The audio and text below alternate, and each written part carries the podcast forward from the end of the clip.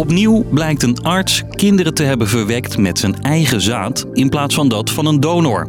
Een gynaecoloog die in de jaren 70 en 80 werkte in een ziekenhuis in Leiderdorp. Ja, en voor zover nu bekend heeft hij dus 21 vrouwen eh, geholpen met zwanger worden. Alleen eh, dan wel met zijn eigen sperma. De afgelopen jaren kwamen vaker dit soort zaken voorbij. Waarbij je dan ineens te horen krijgt dat een gynaecoloog je vader is. En je tientallen halfbroers en zussen hebt. Nou ja, ik ben blij dat ik er ben. Dus ja, voor mij persoonlijk is het goed. Maar eh, de werkwijze is natuurlijk verwerpelijk. Ik ben Martijn en ik leg je uit hoe het kan dat artsen hun eigen zaad gebruikten.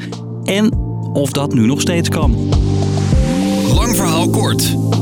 Een podcast van NOS op 3 en 3FM. Als je niet precies weet wie je ouders zijn, kun je terecht bij het FIOM. Dat doet onderzoek en heeft ook een DNA-database. Daaruit kwam een tijdje geleden iets opmerkelijks naar voren. Uit die databank bleek dat er DNA-matches waren tussen 21 kinderen. Verslaggever Frank van Deutenkom van Omroep West is dit. Die kinderen zijn nu tussen de eind 30 en eind 40. Hun moeders blijken te zijn behandeld door dezelfde gynaecoloog, Jos Beek. Er is ook DNA toen afgestaan door een van de zoons van Jos Beek. En daar bleek ook een match. Ja, en dan heb je dus gewoon een match. En bleek dat deze 21 kinderen zijn verwekt met het zaad van Jos Beek. Dat aantal van 21, dat zijn de kinderen van wie tot nu toe bekend is dat Jos Beek hun vader is. Dat aantal kan volgens het ziekenhuis best oplopen. Wij roepen dan ook iedereen op om zich te melden. In eerdere gevallen bleek zo'n groep kinderen, die waren verwekt met het zaad van een arts, inderdaad te groeien als zo'n zaak naar buiten kwam. Want Jos Beek is niet de enige arts die zijn eigen sperma gebruikte om vrouwen zwanger te maken. Dan heb ik hier dus het sperma wat de donor gegeven heeft. En daar vul ik nu uw spuitje mee. Dit is Jan Karbaat. Hij was zo'n 30, 40 jaar geleden de meest succesvolle vruchtbaarheidsarts in Nederland. Wij proberen op te letten, ook bij het kiezen van een donor, dat je zo'n donor zodanig kiest dat later de hele familie zegt: ja, nee, dat, dat moet van hem zijn. Ook Karbaat gebruikte regelmatig zijn eigen zaad in plaats van dat van een donor. Janneke onderging zo'n behandeling. Toen ik hoorde van mijn dochter dat Jan Karbaat de vader was van mijn dochter... en dat zij al nummer 19 was, die werd gebeld door het VIOM... toen werd ik heel boos, want toen dacht ik... Waarom heb je dat in godsnaam gedaan? Minstens 71 kinderen hebben inmiddels ontdekt dat Karbaat hun vader is.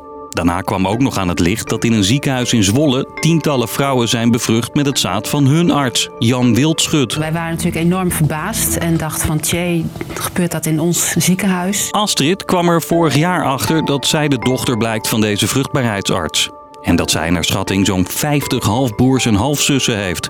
Toen ze daarachter kwam, was de arts en haar vader dus inmiddels overleden.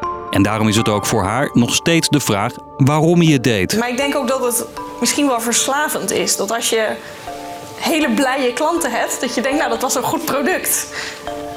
Ja, dat, je hebt heel snel een tevreden klant. Want uiteindelijk lukte het vaak. Dus ja, misschien is dat ook wel iets wat meespeelt. Ook Jan Karbaat en Jos Beek zijn inmiddels overleden. En dat maakt dat de betrokkenen met veel vragen blijven zitten. Het FIOM, dat dus onderzoek doet via DNA, zegt dat de beperkte technieken om vrouwen te bevruchten uit de jaren 70, 80 en begin jaren 90 ermee te maken kunnen hebben. Nu kan er ingevroren sperma gebruikt worden, toen nog niet. Het was toen de situatie dat ouders naar het ziekenhuis kwamen en de donor was ook in het gebouw om uh, nou, het gedoneerde zaad meteen te kunnen inbrengen bij de wensouder. En uh, een gynaecoloog heeft ooit verteld dat uh, wanneer dan een donor niet op kwam dagen, uh, de gynaecoloog dan toch zocht naar andere manieren om de mensen te kunnen helpen. Het ziekenhuis in Zwolle kreeg na de verhalen over dokter Jan Wildschut de vraag of zoiets nu ook nog zou kunnen gebeuren. Nee, er zijn nu zoveel ehm, uh, zeg maar controlestappen overal ingebouwd. Uh, dat ik mij niet kan voorstellen dat dit weer kan gebeuren. Wat ook meespeelt is dat van al het in Nederland gedoneerde sperma nu bekend moet zijn van wie dat afkomstig is. Sinds 2004 is het anonieme donorschap is, is opgeheven. Dus van elke donor worden de gegevens verzameld. Toen werd vastgesteld dat iedereen het recht heeft om te weten van wie hij of zij afstamt. Dat kan ook gevaarlijke situaties voorkomen. Als er halfbroers en halfzussen zijn die dat nog niet weten, maar bijvoorbeeld relaties met elkaar aangaan, ja, dat dat kan leiden tot kinderen met aangeboren afwijking, omdat het risico daarop gewoon groter is. Dus, lang verhaal kort.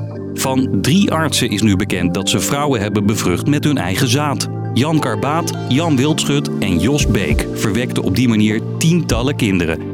De kans dat dat nu nog zou kunnen gebeuren is heel klein, zeggen de ziekenhuizen. Ook doordat anoniem doneren nu niet meer mogelijk is. Dat was hem voor nu. Wil je reageren? Mail dan naar lvk.nos.nl. En morgen staat er weer een nieuwe voor je klaar.